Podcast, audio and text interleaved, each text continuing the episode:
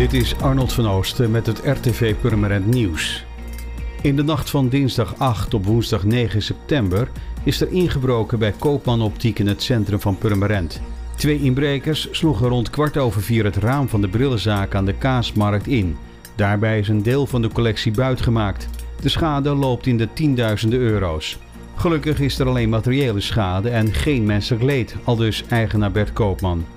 Hij roept mensen die iets verdachts hebben gezien op om zich te melden bij de politie.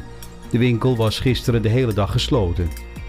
De politie heeft woensdagmiddag rond 1 uur in de Vijverstraat in de Gorst Noord twee mannen en twee vrouwen aangehouden voor diefstal.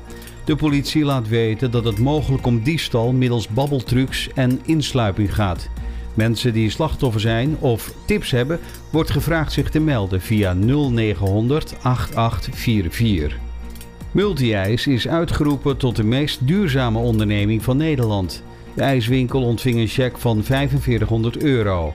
Om horeca te stimuleren op het gebied van duurzaamheid riepen energiemaatschappij Vattenval en Horeca Nederland onlangs het smaakmakerslabel in het leven. Multi-ijs sprong volgens de jury boven de andere deelnemers uit.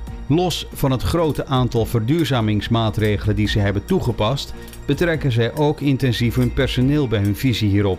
De ijswinkel investeerde de afgelopen jaren al in ledverlichting, goede koeling en elektrisch vervoer voor bezorging.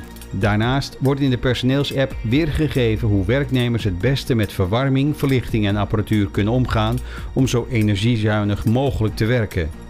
Michel Prinsen, eigenaar van Multi-IJs, is blij met de prijs. Het geld wordt gebruikt voor de aanschaf van zonnepanelen en een nieuwe koelinstallatie.